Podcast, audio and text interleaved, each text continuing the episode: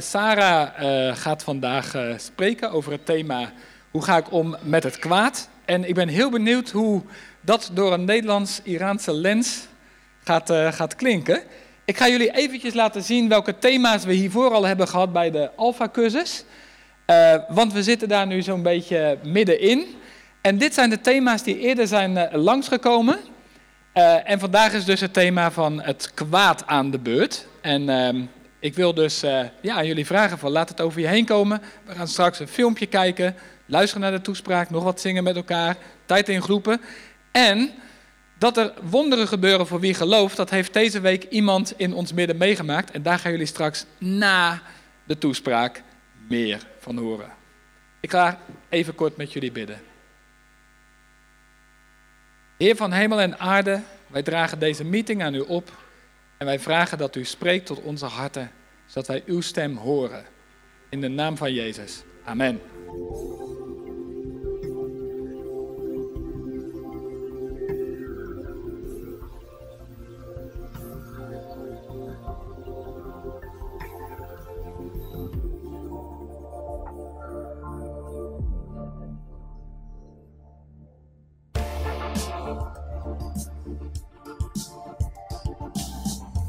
No, gonna have to say no to that one.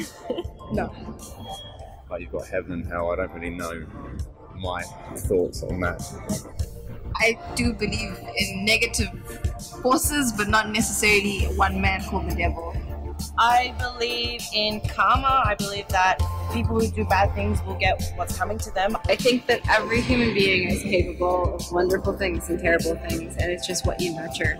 if there is a higher good power and if I can believe in that higher good power, then I think I must give space for some amount of belief in, in evil as well. No, not really, but I do believe in monsters. Why do I think bad things happen?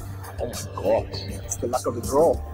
It just happens. We live in an imperfect world, so It's just bad luck. I think it's principle of nature because we have good things, of course we have bad things. guy I know, Bruce, came on Alpha. He was very intelligent and also very skeptical. He was an atheist, and nothing convinced him otherwise until the talk, How Can I Resist Evil? And at the end, he said, I'm a lawyer, and in my practice as a lawyer, I see so much evil. I've always believed in the power of evil. But now I realize that if there's a power of evil, it's only logical to believe in a power of good. Some people find it very easy to believe in evil and the devil. William Peter Blatty, who wrote the screenplay for The Exorcist, said this As far as God goes, I'm a non believer, but when it comes to the devil, well, that's something else. The devil keeps advertising, the devil does lots of commercials. Yeah, the Apostle Paul speaks about spiritual forces of evil that are at work in the world today. And the claim in the New Testament is that just as behind good is God Himself, so behind evil is the devil. Now, that might sound a bit far fetched, but for some, it's easier to believe in the devil than it is to believe in God. I was accused of murder when I was 15. At 16 year old, I, eventually went to jail and I went to a detention centre called Medhamsley. It was very, very harsh. In that place, I was told what to do and I wouldn't do it. I was anti authority. I had, I had a lot of physical beatings in there. I was put in solitary confinement a lot and, and it didn't help me. I just thought these people were bullies. So when I got out of there, I was more angry than when I went in. I was an embarrassment to my mother. She said, You know what? She said, You're the son of Satan. You're evil. She said, You're worse than your father ever was. Now that was bad to me because my dad was very violent and my mum often raped her.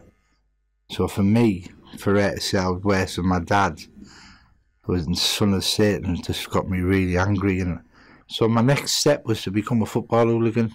Started getting slashed. I got cut up across my face. I had my little finger chopped off. I was stabbed four arms in the arm and chest. I've had a bottle in both eyes. I've got no front teeth. I had both my shoulders, my arms pulled out my sockets. It was anarchy.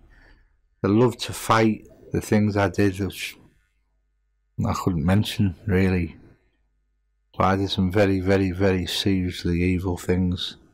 I was evil. I was sheer evil.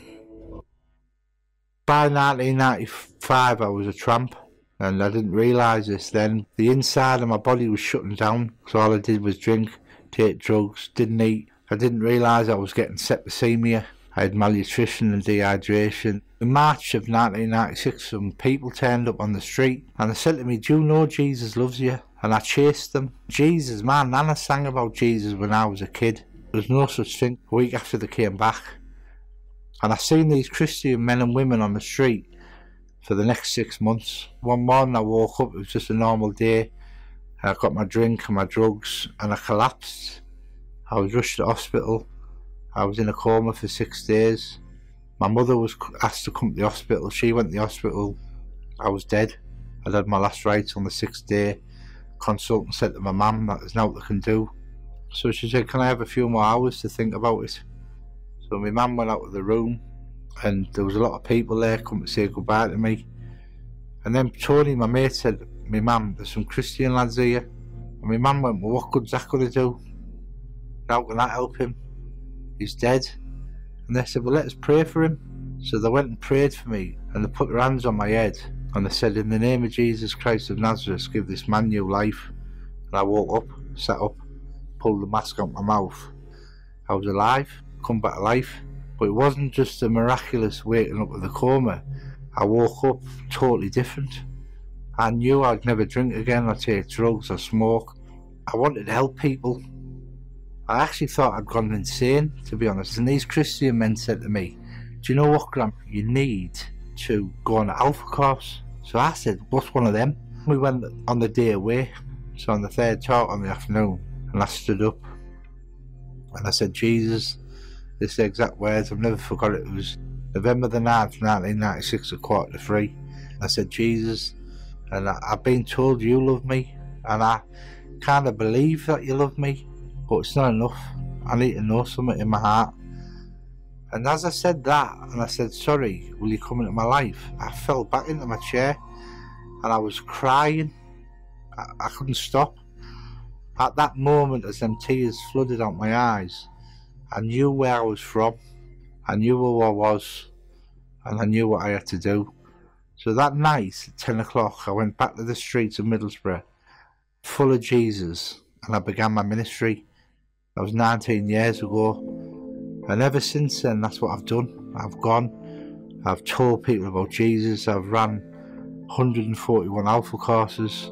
There's a couple of things I say to people on the streets or in the prison when I first meet them because they're full of doubt, you know, I was doubtful. And they say, Well, Grandma, how do you really know that, you know, you didn't just wake up out of a coma? Now, maybe I did just come out of that coma by coincidence, but I often say, for the last 19 years, why have I lived how I have? You know, where did the violence go? Where did the anger and the rejection and not knowing about love, where did that go in one night? Jesus is supreme love. That's what changes. That's what changed Graham Seed. So if it changed Graham Seed, it can do it for anyone.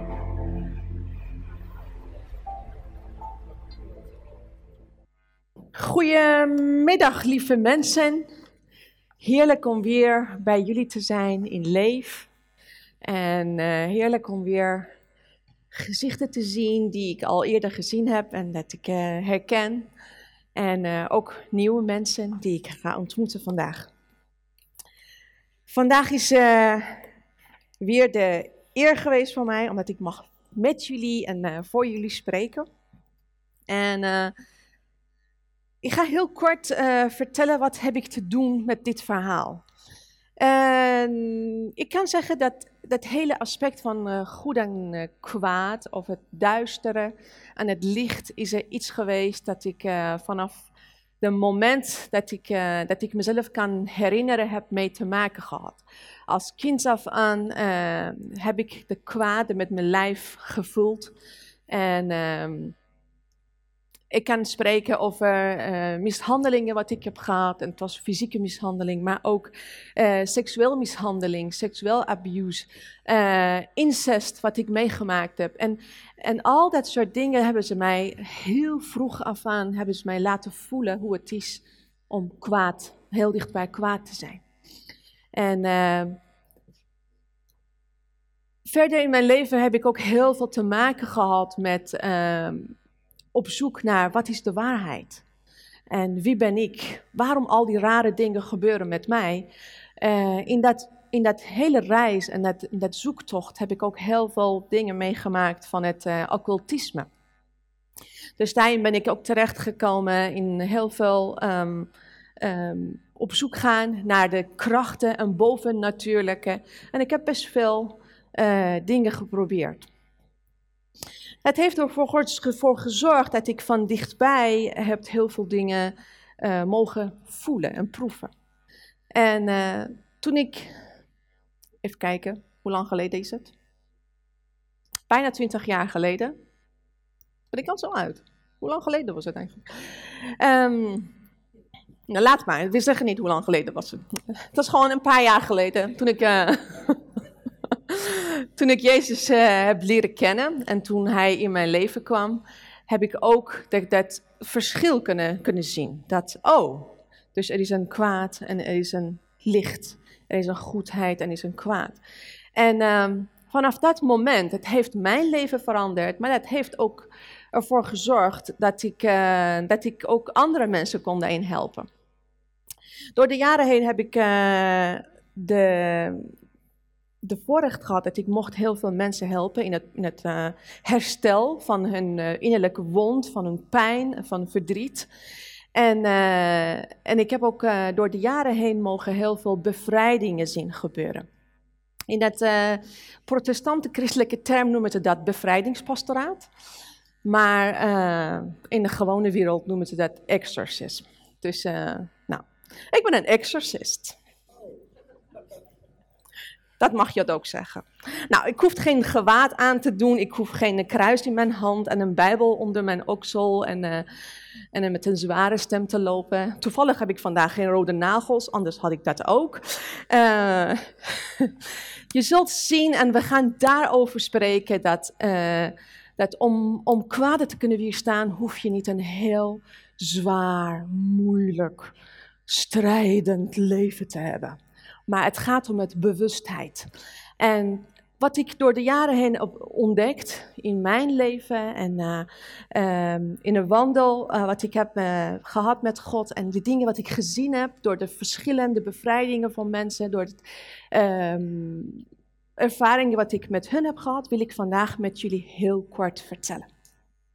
Ik wil met jullie iets afspreken. Elke keer als ik iets vertel, dat jij het ook in je leven hebt meegemaakt. Dat je het gevoel hebt van, ah, dat herken ik. Oh ja, dat heb ik ook gezien. God heeft het bij mij ook gedaan. Of dat je het gevoel hebt van, mm -hmm, ik weet waar je het over hebt. Het is heel herkenbaar. Al zijn er voorbeelden of zijn mijn uitspraken, ik wil dat jij gewoon zegt, halleluja. Of zeg je amen. Of zeg je preach it sister. Waarom? En het is niet voor niks. Ik heb het straks nodig, al dat reacties. Ik zal het je zeggen waarom ik dat reacties nodig heb. En uh, je kan heel bescheiden en netjes zeggen, maar dat zie ik alleen, die anderen zien het niet. Maar elke keer als je iets zegt van halleluja of amen, dan horen anderen het, oh, die andere herkent het ook. Nou, laten we doorgaan. Um, ik zal even uitleggen, even, even samen kijken, wat is duisternis? Wat is duisternis? Ik denk dat uh, dat is de grootste vraag en uh, de belangrijkste vraag misschien. Uh, ik heb door de jaren heen, vanuit de Bijbel, maar ook vanuit mijn eigen leven, heb ik gemerkt dat duisternis is niks anders dan afwezigheid van licht. Um, het is wel heel mooi om te, te, te horen dat uh, God die schepper uh, van het goede is en de duisternis is degene die heerst of, of Satan heerst over de duisternis. Maar het mooie is dat de duisternis is niet geschapen. De duisternis is gewoon afwezigheid van God. Het is alsof ik zeg, deze kamer is donker. Als ik de licht niet daarin is, dan is het donker. Dat is duisternis. Zodra licht naar binnen komt, en dat heeft iets wat het wel bestaat, wat het wel effect heeft. Zodra dat naar binnen komt, er is geen ruimte meer voor duisternis. Dus dat is, yes, yes, de eerste. Zodra één, één keer in onze leven het beseffen dat er duisternis is afwezigheid van God, is afwezigheid van het licht. Dus zodra we duisternis zien, ervaren, merken, dan weten we wat we moeten doen. We moeten licht daarin brengen. En hoe doen we dat? Daar gaan we over spreken. Maar die afwezigheid van, van God en die afwezigheid van licht, wat kan het wat kan doen? En hoe doet, uh, wat we noemen Satan, hoe doet hij het? Hoe kan hij onze leven beïnvloeden? Um, we hebben het uh, waarschijnlijk allemaal meegemaakt. We leven in een wereld die beheerst wordt door het kwaad. We, we zien elke dag in, ons, in onze omgeving, als we, als we hoeven gewoon alleen de televisie aan te doen. We hoeven alleen even nieuws te zoeken. Um, dan zie je de kwaad. Dat hoef je niet heel ver voor te gaan. Je hoeft maar even slecht rijden in een snelweg. Gelijk zul je um, leukste dingen te horen krijgen. Um,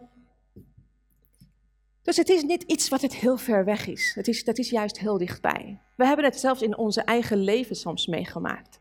In onze, onze opvoeding misschien.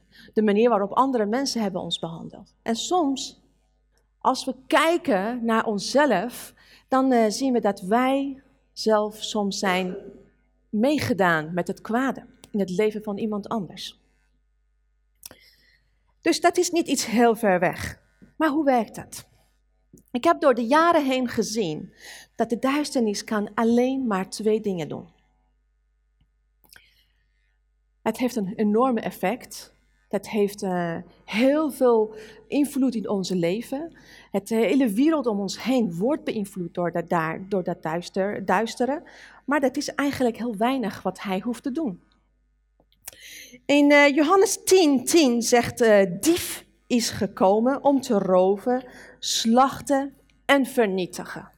Maar Jezus is gekomen om ons leven te geven in zijn volheid. Yes! Drie. um, de feit dat dief, deze, deze duisternis, deze dief is gekomen, die wil stelen. Wat, wat steelt hij van ons? Dat steelt hij soms onze vreugde, onze, onze blijdschap, onze zelfvertrouwen, onze gevoel van veiligheid, onze gevoel van dat wij goed genoeg zijn, het gevoel dat wij ergens in, in staat zijn, het gevoel dat we geliefd zijn, het gevoel dat we erbij horen. Maar het kan nog meer dingen zijn. Het kan de vrijheid van ons letterlijk, van onze land beroven. Het kan zijn dat het uh, um, werkelijk, we worden beroofd in ons huis, met onze auto of wat dan ook.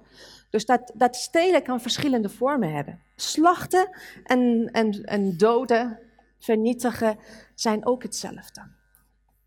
Soms heb je het gevoel dat je, of kan je het zien dat in je leven je kansen zijn vernietigd. Je leven, je lichaam letterlijk is, is kapot gegaan. Dat zien we in onze, om ons heen, dat het, uh, dat, het, dat het werkt. Maar hoe kan duisternis zoveel effect hebben? Alleen door twee dingen. Dat heb ik door de jaren heen gezien. Hij hoeft maar twee dingen te doen. Voor de rest gaat vanzelf. De eerste is angst zaaien. Het is onze natuurlijke reactie ten opzichte van duisternis. Mensen hebben meestal twee reacties ten opzichte van duisternis. Of zeggen ze, het bestaat niet, of zeggen ze, ik ben er bang voor. Bestaat niet, en als die bestaat, dan ben ik er bang voor. Dat is wel heel, uh, heel normaal. Het is als een kind die in een donkere kamer naar binnen komt. En omdat hij niet precies weet wat er aan de hand is, wat er allemaal daar in die kamer is en wat er gaat gebeuren in die kamer, dan voelt hij zich onveilig, voelt hij zich bang. Um, de antwoord daarop is wel heel erg duidelijk in de Bijbel. Dat heb ik in mijn eigen leven ook gezien. De moment dat ik ontdekte dat ik dat het een conflict is tussen het licht en de duisternis. En dat was de, de avond dat ik ging een filmpje kijken, een horrorfilm kijken. Het was net tot geloof gekomen. Ik was net heel erg bezig met uh, ja, wie is Jezus en uh, hoe is het om een leven als christen. Ik heb op een avond, op basis van gewoonte, heb ik zo'n horrorfilm wil gekeken. Dat was een van mijn hobby's vroeger. Om uh, lekker een bankgevoel krijgen in je buik en dan onder de dekens kruipen en dan denk je, oh, wat ben ik bang. en, um, en dan slapen. en dat, is, ja, dat, dat kan een beetje onlogisch zijn, maar mensen die het meegemaakt hebben weten wat ik bedoel. Uh, dus ja, die avond in een, uh, in een kamertje in de AZC heb ik ook zo'n film gekeken, zo'n horrorfilm, die, ging over de kind van Satan. En uh, ik heb lekker dat adrenaline gevoeld in mijn lijf en toen dacht ik, nou, ik ga slapen. Ik ging slapen, maar ik voelde dat het gewoon op een gegeven moment een zwaarte op op mijn borst kwam en ik werd op slot gezet. Ik kon niet meer praten, ik kon niet meer bewegen en ik dacht, wat is dit? Ik ga dood. En ik voelde letterlijk op een gegeven moment dat ik kan niet ademen, ik ga dood. En uh, het moment dat ik dacht, weet je, ik ga dood, ik was net tot geloof gekomen, dus ik dacht, weet je, op zijn misblik dat mijn geest bij Jezus zou zijn. Dus diep van binnen heb ik alleen geroepen, Jezus. En zodra de moment dat ik zei, Jezus. Het was alsof er een stofzuiger kwam. Het was alles weg. In één keer was alles weg. En ik was helemaal... Ik hoefde niks voor te doen. Dat ging vanzelf. Weet je, ik had nooit over de the power of Jesus' name geleerd. Ik was net tot geloof gekomen, wat wist ik van? Maar dat ervaring heeft mij geleerd dat er is kracht, maar er is ook een confrontatie. Er is iemand, er is iemand anders tegen. En uh, dat was het begin. En uh, in dat ervaring heb ik ook gezien dat er, er is één ding die antwoord is op het angst. Door de jaren heen heb ik gezien dat angst heeft mensen verlamd. Mensen soms weten wat het goede is, maar ze zijn zo bang. Ze zijn zo bang dat ze verlam raken zelfs. En, uh, en in 1 Johannes 4, vers 18 zegt, zegt het woord van God van, er is in de liefde geen vrees. Geen vrees. Maar de volmaakte liefde werpt de vrees uit. Soms denken we nou, tot hoeverre mag ik bang zijn van de duisternis? Misschien is het een beetje wijsheid als ik een beetje toch bang ben van duisternis. Hier zegt, in liefde, er is geen vrees. Zodra het echte liefde komt, er is geen ruimte voor vrees. Dus elke keer als de angst komt, angst voor de toekomst, angst voor de dingen die, die, die mis kunnen gaan, angst voor alles wat het uh, niet klopt in mijn leven, angst voor deze wereld waar we in leven, de, gevaar van ISIS die dichtbij komt en um, angst voor de buurman die ik niet weet, ik kan de zijn taal niet eens spreken, die, die kijkt een beetje terroristisch naar mij, waarom kijkt hij zo? Dat kan van alles zijn. Um, elke keer als dat komt, daar is een antwoord en dat is liefde. Hoe kom ik aan die liefde? Yes. Dankjewel. Reacties zijn veel en ik hou ervan. Hmm. Hoe kan het nou? Dat, uh, hoe komen we aan die liefde? De antwoord is in hetzelfde Bijbel, Bijbelgedeelte, in 1 Johannes 4, maar gewoon twee versen daarvoor. En het zegt, God is liefde. Yes. Dus één ding heb ik geleerd. Elke keer als ik bang word, ik word bang voor mijn gezondheid, omdat ik al zo vaak heb operaties gehad, omdat het zo vaak al mis is gegaan. Elke keer als ik bang word, en ik zal jullie heel eerlijk mijn grootste angst benoemen. Mijn grootste angst is gewoon oud worden in Nederland. Meen ik echt. Ik ben heel erg bang van, het, van, het, van mijn ouderdom en eenzaamheid wat ik kan hebben in een individualistische maatschappij. Elke keer als dat komt, de enige wat ik kan doen is gewoon rennen naar God toe. Zeg, Heer, ik voel me bang. Wilt u komen met uw liefde? Ik heb dat liefde echt nodig. En weet je, soms denk je, ja, maar je weet toch dat God liefde is. Waarom doe je dat nou elke keer weer? Waarom ga je elke keer weer die vrees toelaten? Je moet gewoon vrees niet toelaten. Je moet het bestrijden. Je moet proclameren. Je moet het weerstaan. Je moet meer Bijbel lezen. Je moet meer bidden. Oké, oké.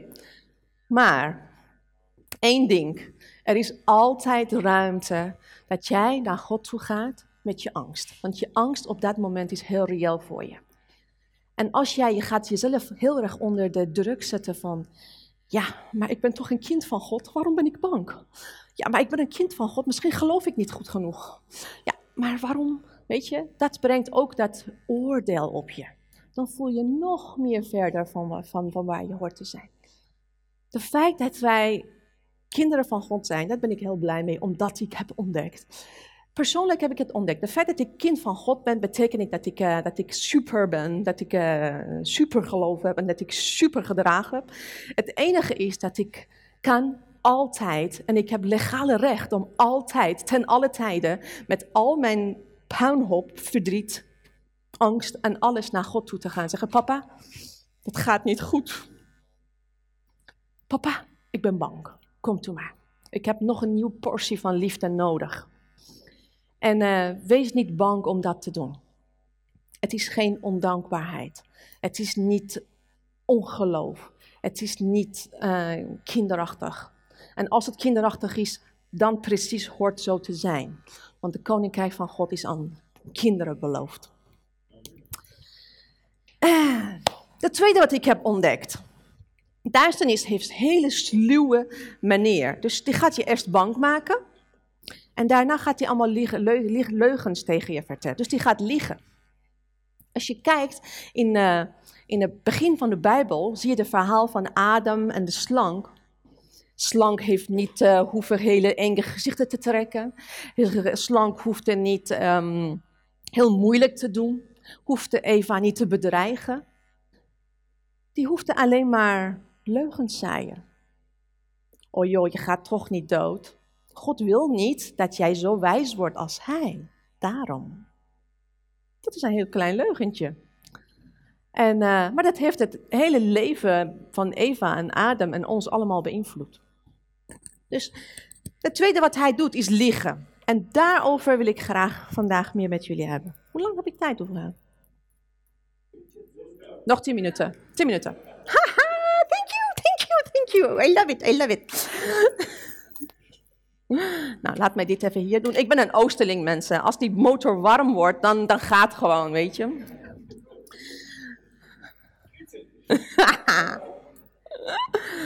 nou, hij gaat liegen. En weet je, heel vaak denken wij, we lezen ook gewoon wel eens in de Bijbel, maar het wordt ook daarover gesproken, dat, uh, dat de, Satan is vader van alle leugenaars. Dus dan denken wij dat alles wat hij zegt, is een leugen vanaf begin tot eind, alles wat hij zegt, liegt hij. Maar het is niet zo. Dat heb ik ook ontdekt. Het punt is, hij kan 99% de waarheid vertellen, maar 1% leugen zit in. Soms. Weet je, dat zorgt ervoor dat je het heel erg lang gaat geloven. En dan zie je gewoon, er is één aspect wat het klopt niet. Ik zat een paar dagen geleden, mijn moeder heeft een filmpje voor me gestuurd over een vrouw die engelen ontmoette. Nou, vond fantastisch. Een vrouw die gaat vertellen dat engelen zijn er en er zijn engelen die voor ons zorgen. Onze engelen beschermen ons, engelen bedienen ons. En dit zijn allemaal dingen die ook de Bijbel zegt. Allemaal hartstikke goede dingen. En ik luister. En ik luister. Tot het eind van de film helemaal eind van de film, ze, zei die vrouw van, uh, en ja, die engelen hebben tegen mij gezegd wanneer ik doodga en wanneer mijn man doodgaat. En dus ik moet het wel geheim houden. Maar, en uh, ik weet precies hoe ik doodga. En ik dacht, aha, wacht maar. Tot hier waren allemaal goede dingen. Maar dat 1% helemaal aan het eind maakt de, de kwaliteit en de, de richting van het verhaal helemaal duidelijk. Het woord van God is heel duidelijk dat er is niet aan ons gegeven om te weten of we leven of dood van, van Wanneer we doodgaan en wanneer we leven. En het is geheim in de handen van God. En ehm, elke keer als iemand dat soort uitspraken doet, dan weet ik dat het niet goed gaat. Dan weet ik dat er iemand is gekomen om jouw levenslust, jouw hoop en jouw levensrichting te beroven. Weet je, dus duisternis hoeft niet altijd alles te liggen. Soms vertelt hij heel veel goede dingen en dan heel klein beetje, helemaal aan het eind, hoor je dat. Hmm, mhm, mhm. Daar moet ik op letten. Maar waar kan die over liggen? Over je uiterlijk, over je innerlijk, over je toekomst, over je geliefden, over eigenlijk wie je bent. En dat is de grootste leugen die kan verspreiden, over wie je bent. Over je identiteit. Je kan zeggen, dat je bent lelijk, je kan het niet, um, jij bent niet goed genoeg. Dat was een van de grootste leugens die ik in geloofde. Ik was niet goed genoeg.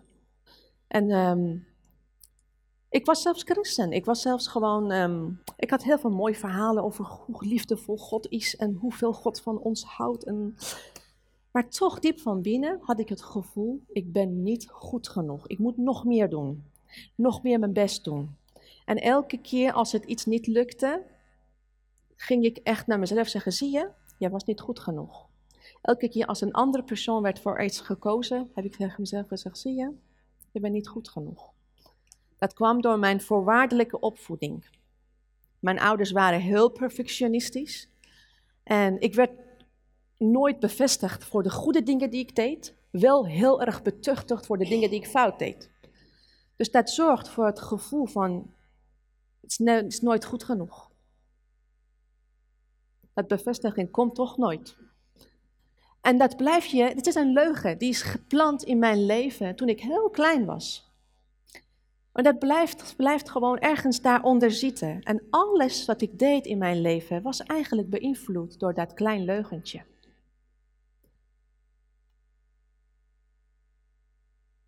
Tot de dag dat, um, ik zal niet zeggen wie en wat, een van mijn kinderen heeft, um, ik zal het zeggen hoe goed God de waarheid heeft aan me laten zien. Tot de dag dat een van mijn kinderen heeft gepoept in zijn broek. Wil zeggen amen? en toen heeft hij zijn broek uitgedaan. Omdat hij bang was dat die mama zou teleurstellen of papa zou teleurstellen. En dat heeft hij verstopt achter de deur. En heeft hij op zijn schone billen heeft hij een nieuwe broek aangedaan. Dus ik zie mijn kind rondlopen met een andere broek. Nou, dit heb ik vanochtend jou niet aangedaan. Dus nou, gaan we zoeken wat er gebeurd is. Je komt in de kamer, je ruikt de heerlijkheid en dan ga je de deur openen en denk je, ah, het broek vol is achter de deur gezet en de deur was dicht. Wat gaat gebeuren? Precies. Dus dan zit je, het zijn van die momenten, ik denk de ouders kennen dat. Je weet niet, je moet gielen, je moet lachen, je moet huilen. Wat je precies moet doen op dat moment.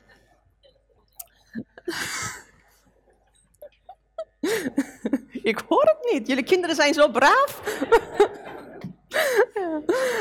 Zo, ik sta te doen en terwijl wij staan schoon te maken, ik voel dat de waarheid binnenkomt, dwars door mijn leugen heen. En elke keer als we het vertelden als grap voor anderen, van ja, weet je wat onze kind heeft gedaan? Ik voelde weer de waarheid naar binnen komen. Dat, Saar, je kan heel erg, sorry, poepen. Maar ik ben je papa.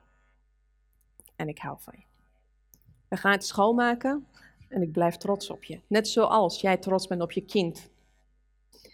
Weet je, de, waarheid was datgene naar binnen kwam en dat heeft dat leugen uitgeschakeld door de jaren heen. Elke keer als ik dit verhaal vertel, in de vorm van een grap, in de vorm van een herinnering, dat waarheid komt weer naar binnen.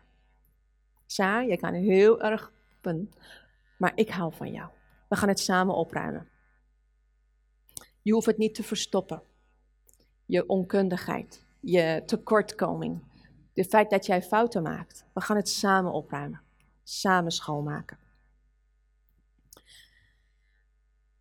Je kan uh, worstelen met je persoonlijke leugens. Maar het nog erger is als je leeft in een familie met leugens. Bijvoorbeeld in een familie ben je opgegroeid waarin is steeds gezegd: een meisje is toch niks. Of zonder man kan ik niks.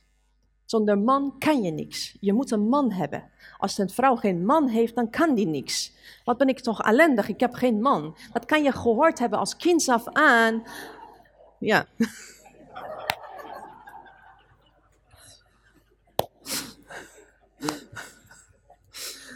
ik ben blij dat u een man bent, dat u niet hoeft te trouwen met een man, maar... um, zo is bijvoorbeeld de familie van mijn vader. Vrouwen voelen zich volkomen verlamd als er geen man is. En ze kunnen zitten rouwen het feit dat er gewoon uh, geen man is om ons te helpen. Ze voelen zich volkomen verlamd. Of uh, er, zijn, uh, er zijn leugens zoals bijvoorbeeld, als wij niet voor elkaar zorgen, niemand zal voor ons opkomen. Buiten deze wereld is allemaal kwaad, allemaal erg. Niemand mag je vertrouwen. Je kan niemand vertrouwen. Wij moeten het samen doen. En daar maken ze een hele hechte, ongezonde band. Dat niemand te vertrouwen is. Wij alleen. Weet je, dat zijn ook leugens die, die in een familie kunnen heersen. Net zo goed kan een leugen in een kerk heersen. Het kan zijn dat een kerk zegt, wij zijn de ware kerk. Het is absoluut een leugen, mensen. Wat hoe kan jij de ware kerk zijn? Als jij een deeltje bent van het lichaam van Christus, als jij de puntje bent van die pink, hoe kan jij de ware zijn en zeggen dat de rest niet goed genoeg is? Dus zelfs in een kerk kan heersen. Je hebt stadsleugens, je hebt landsleugens. En hoe groter die, die netwerk is, van mensen die in hetzelfde leugen geloven, hoe moeilijker het wordt voor jou om waarheid te ontdekken. Omdat het verwarring komt. Omdat het lijkt, ja, maar iedereen zegt het. Ja, maar iedereen doet het. Ja, ja, ja maar, maar het is toch niet erg? Zo, hoe doen we dat? In Johannes 8, vers 30 zegt de Bijbel: Je zult de waarheid kennen en de waarheid zult je vrijmaken. En ik heb het vandaag over die waarheid. Waarheid is zo belangrijk. Zo belangrijk. Allereerst, de absolute waarheid is wie God is en wie jij bent in Hem. Dat is de absolute waarheid. Dat is het wat het altijd en altijd en altijd hetzelfde is en vast is. En dat zal nooit veranderen. Wie God is en wie jij bent in Hem. Dat is wat vast is. Maar in je leven zul je door je ervaringen heen, door de, de, de geschiedenis van je leven, land waarin je woont, situaties waar je in bent terechtgekomen, kom jij steeds momenten tegen dat jij weer behoefte hebt om die waarheid te kennen. Weet je, toen ik uh, als een Iraanse meisje die, die, die nooit veiligheid had gekend en die nooit um, uh, nooit zich veilig had gevoeld. Die, die, die uh, mishandeling en seksuele mishandeling en uh, um, allerlei gekkigheid had ik meegemaakt. Toen ik naar de kerk kwam en ik leug nog steeds.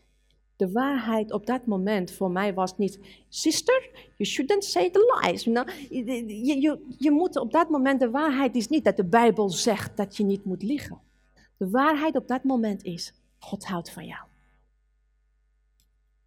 De waarheid van iedere persoon, in iedere situatie, in iedere omstandigheid, aangezien van zijn persoonlijkheid en zijn persoonlijke reis is anders. En dat is de kunst om iedere moment te gaan die waarheid ontdekken. Waarheid is nooit vast. Waarheid is nooit een bepaalde kader van, weet je, je mag, niet, je mag geen sigaretjes roken. Dat is niet goed. Dat is niet goed. Je moet het niet doen. En dat zegt de Bijbel. Je moet niet roken, dat zegt de Bijbel. Je moet niet... Dat is geen waarheid. Dat is wat jij ooit geleerd hebt. En het is ooit een moment in je waarheid in jouw leven geweest. Maar je probeert het in, het leven van iemand anders te drukken. Dat doe je heel vaak met je kind. Dat doe je met, uh, met anderen. Ik doe het met mijn kind. Wij hebben iets geleerd en wij willen het in het leven van iemand anders drukken. Wij willen voor onszelf steeds herhalen. Maar de kunst is, heb ik geleerd, lieve mensen, om te weten dat ik moet elke keer weer bij iedere nieuwe situatie kloppen, zoeken en vinden wat de waarheid is. kloppen, zoeken en vinden wat de waarheid is. De ontdekkingen wat ik gedaan heb voor mijn oudste zoon zal niet werken bij mijn dochtertje. Ik moet weer gaan alles ontdekken. Met, met haar worstel moet ik gaan ontdekken hoe ik ermee moet omgaan. Dat vind ik zo mooi als Jezus twee rijke mannen tegenkomt in Matthäus. Er zijn twee rijke mannen die komen naar Jezus. Ze willen allemaal, allebei willen ze dichtbij komen. En Jezus zegt tegen een van, ga je geld weggeven. Want de waarheid is, hij zat vast aan zijn geld. Bij die andere man zegt hij helemaal niks. Helemaal niks. Gaat hij eten met hem, kletsen met hem, gaat hij op bezoek, gewoon gezelligheid. De waarheid was, hij was alleen. Hij was afgewezen. Niemand hield van hem. Het is heel belangrijk dat wij voor onszelf, maar ook voor anderen, voor onze kinderen, op zoek gaan. Wat is de waarheid voor dat moment? Dat helpt ons om duisternis te, als ware, uitschakelen. Want die probeert die leugen tegen jou te vertellen. Soms uh, zit je heel erg te bidden bijvoorbeeld voor je kind. Oh heer, waarom komen mijn kinderen niet tot geloof?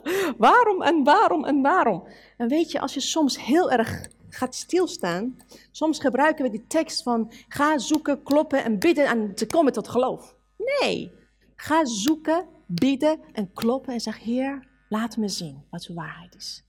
Wat u aan het doen bent. Soms God wil iets in mij doen. Die wil zeggen, meid, je bent te pushy. Rustig zitten. Kijk toe, ik ben bezig. Soms is dat het. Soms is het van, meid, je hoeft maar gewoon te zijn voor ze. Luister. En soms is de waarheid van, wees stil en bid. En ik doe het. Het kan heel verschillend zijn. Waarheid is geen vaste recept. Waarheid is ontdekken. En dat maakt het zo leuk, zo gezellig, zo avontuurlijk om met God te leven. Um, elke nieuwe uitdaging, elke nieuwe situatie heeft een nieuwe waarheid. En elke keer als je op zoek gaat, je zult leugens tegenkomen die diep van binnen zijn ooit gezaaid in jouw gedachten, in je leven, in je, ehm, dat je niet van bewust van bent geweest. Ik weet nog dat ik uh, uh, op een gegeven moment was ik zes maanden getrouwd met Rien. En uh, na zes maanden had ik heel sterk het gevoel dat ik moet afstand houden van hem. Ik begon hem irritant te vinden. En uh, ik vond hem gewoon, uh, ja, een rare mens. Ik vond alles wat het gewoon um, raar kan zijn, vond ik aan hem. Opeens zag ik dat hij gewoon weinig haar had. nee. Maar ik, ik voelde diep van binnen dat ik afstand hield van hem. En op een gegeven moment had ik heel sterk het gevoel, weet je, deze huwelijk wordt niks. Hij zal toch weggaan. Maar voordat hij weggaat, ik ga weg. Ik had mijn tas letterlijk ingepakt. Ik dacht, weet je, dit wordt niks. En hij zal mij verlaten. En voordat hij weggaat, ga ik weg.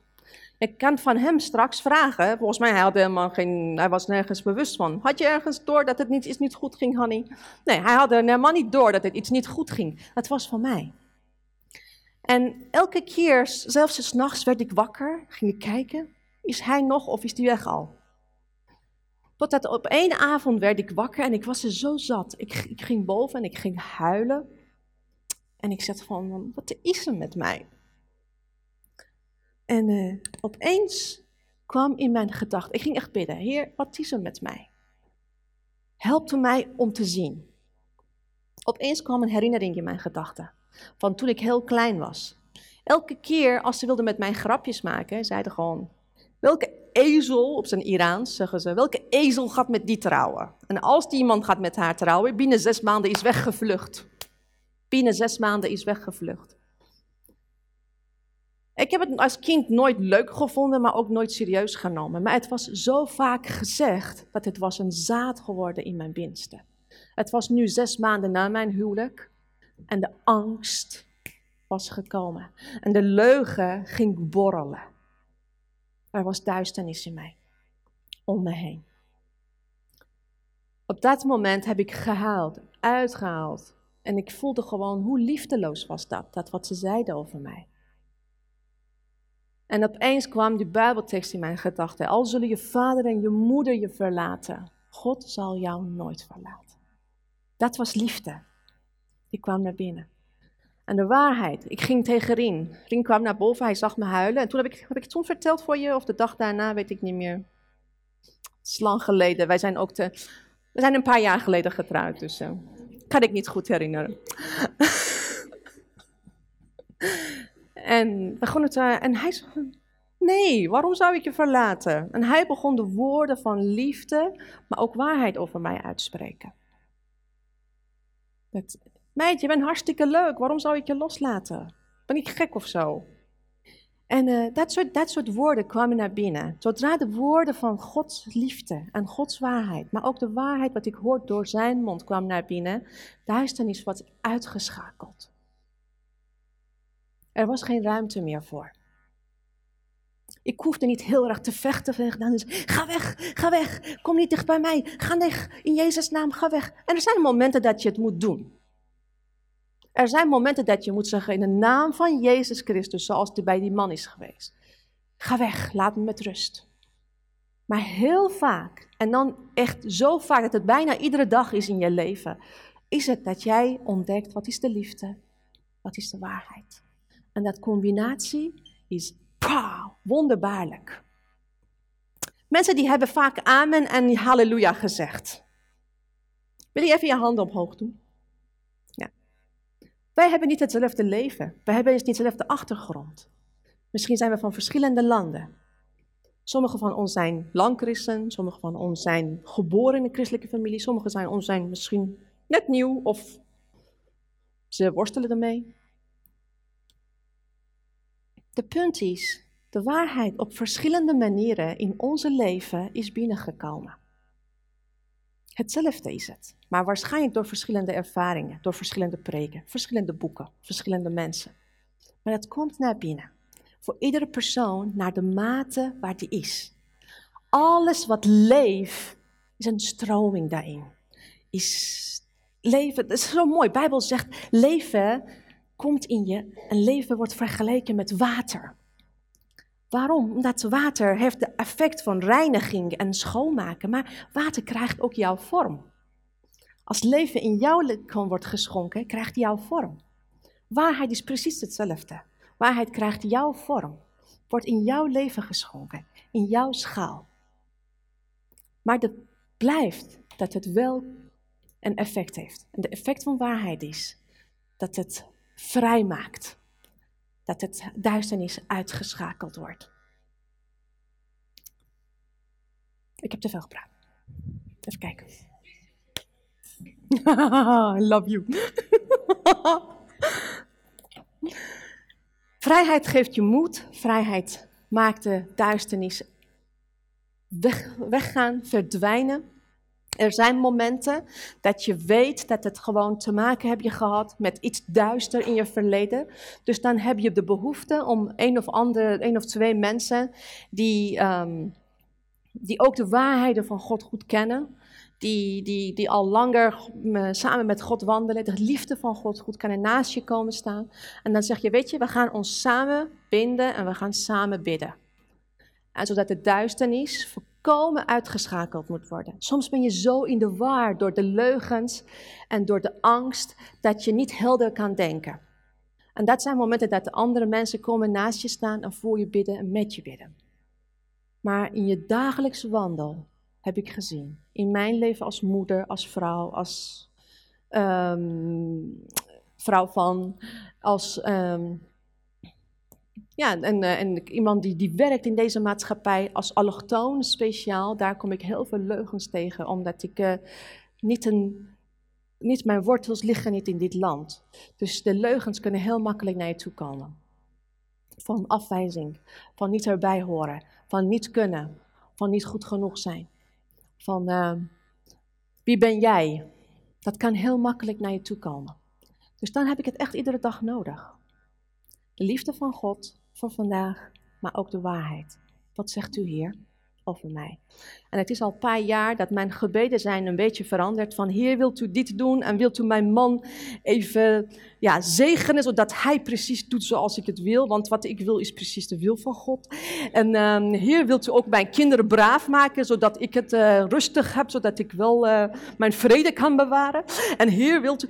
Dat mijn, mijn gebed is veranderd een beetje. En ik bid meer van, Heer, mijn rust is weg. Ik ervaar onrust. Ik ervaar uh, ongenoegen of ik ervaar angst. Heer, er is iets wat ik niet zie. Wilt u mijn ogen open doen? Ik wil het zien. Doe mijn ogen open, zodat ik het zie. En dan als ik de waarheid weet, dan kan ik ook veel beter bidden. Dan kan ik veel actie, beter actie ondernemen. Vinden jullie goed als wij samen ook nu even bidden? Ja? Let's do it.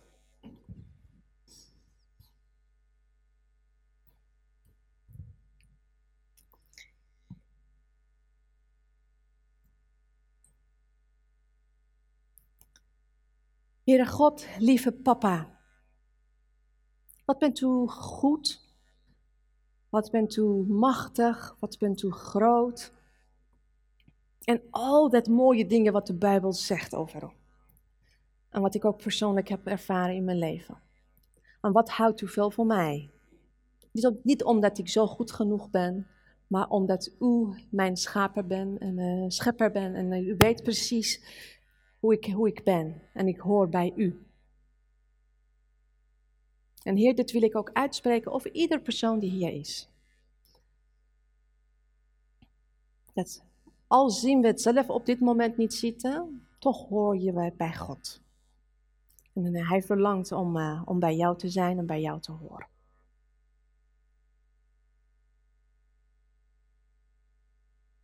Heer, dank u wel dat, uh, dat er voor alles wat het ons kan bang maken, onrustig maken, onveiligheid geven en um, verwarring brengen, is een hele goede antwoord bij u. Uw liefde schakelt ieder vrees uit. Ik hoef niet bang te zijn omdat u er bent. En elke keer als ik bang word, dan zeg je kind, het is niet erg, kom bij mij. Kom bij mij. Kom bij papa. En er is altijd een duidelijkheid, een nieuwe laagje van uw liefde wat ik kan ontdekken om rustig te worden. Heer, dank u wel dat uh, al zijn er zoveel leugens om ons heen, in een wereld die beheerst wordt door de duisternis, toch één woord van uw waarheid in onze binnenste is genoeg om duisternis uit te schakelen. Om rust brengen, vrede brengen, orde brengen, veiligheid brengen.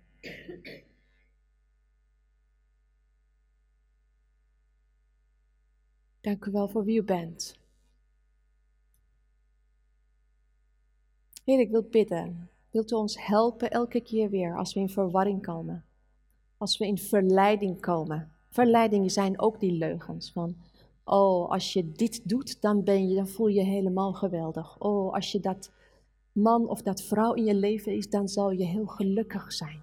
Oh, oh, dat, als je dat, dat zijn leugens, Heer.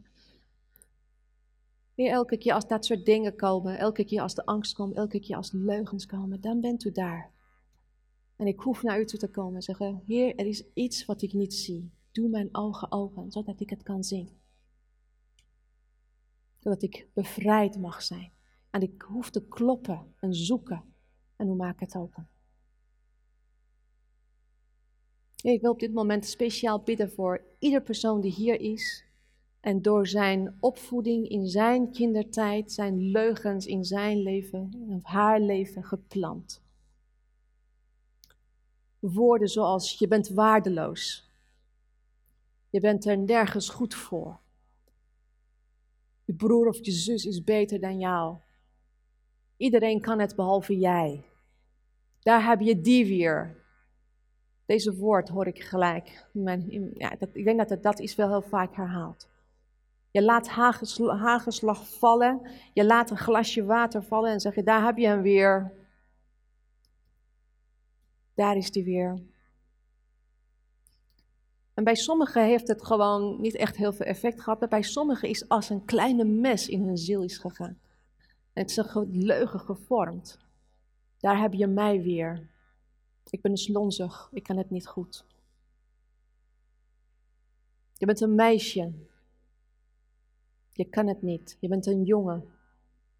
Gedraag je. Je hoort een man te zijn.